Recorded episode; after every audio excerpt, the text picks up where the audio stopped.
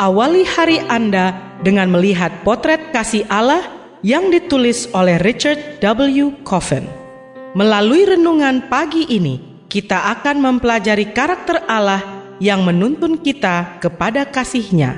Bersama Pendeta Andre Daimbani, selamat mendengarkan. Shalom, selamat pagi saudaraku. Renungan pagi kita hari ini 14 September berjudul Keserakahan Rohani. Ayat intinya diambil dari kisah para rasul 8 ayat 20. Demikian firman Tuhan. Tetapi Petrus berkata kepadanya, Binasalah kiranya uangmu itu bersama dengan engkau, karena engkau menyangka bahwa engkau dapat membeli karunia Allah dengan uang. Mari kita dengarkan penjelasannya. Filipus sang diaken pergi ke Samaria, di mana ia menunjukkan sejumlah mujizat yang mengundang decak kagum penduduk setempat. Di antara mereka yang terbengong-bengong terpesona adalah Simon.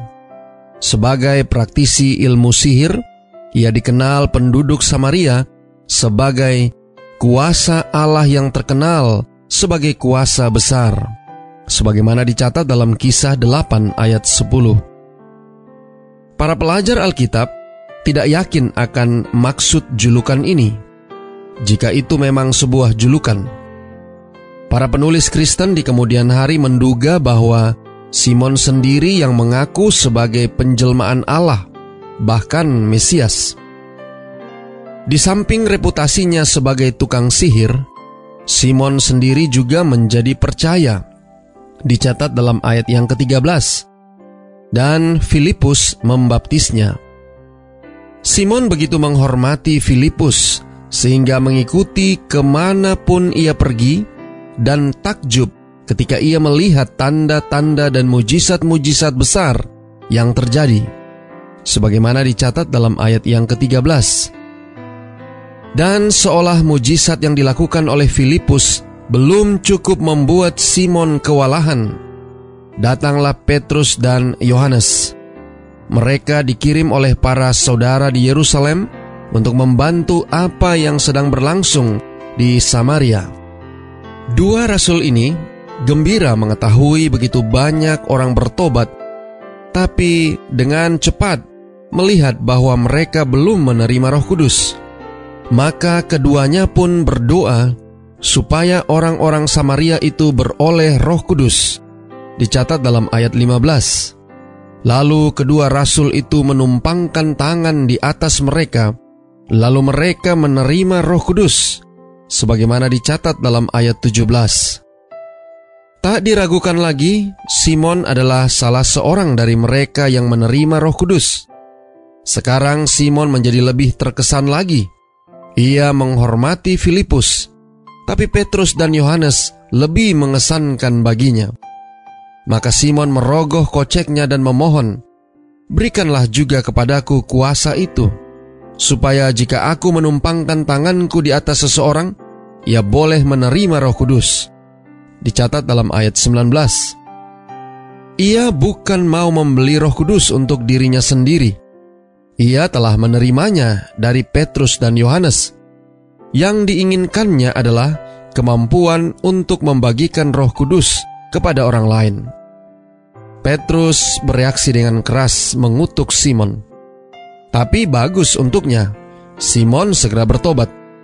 Terlepas dari perubahan dirinya, Simon terlanjur terkenal sepanjang sejarah sebagai bapa aliran sesat.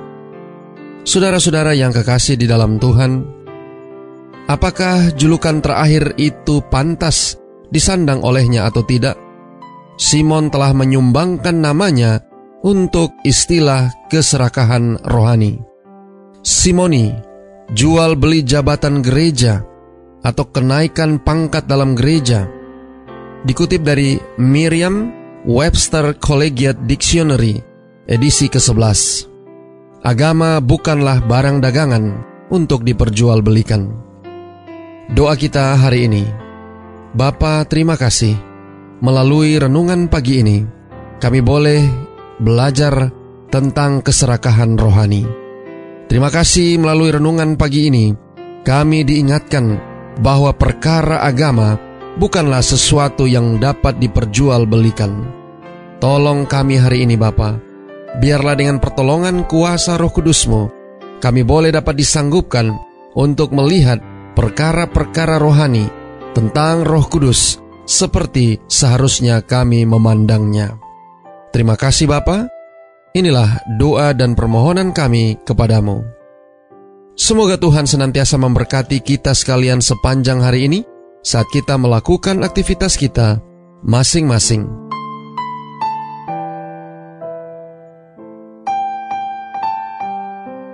Demikianlah tadi pembahasan tentang potret kasih Allah. Semoga firman Tuhan hari ini dapat menjadi berkat bagi Anda. Sampai jumpa, Tuhan memberkati.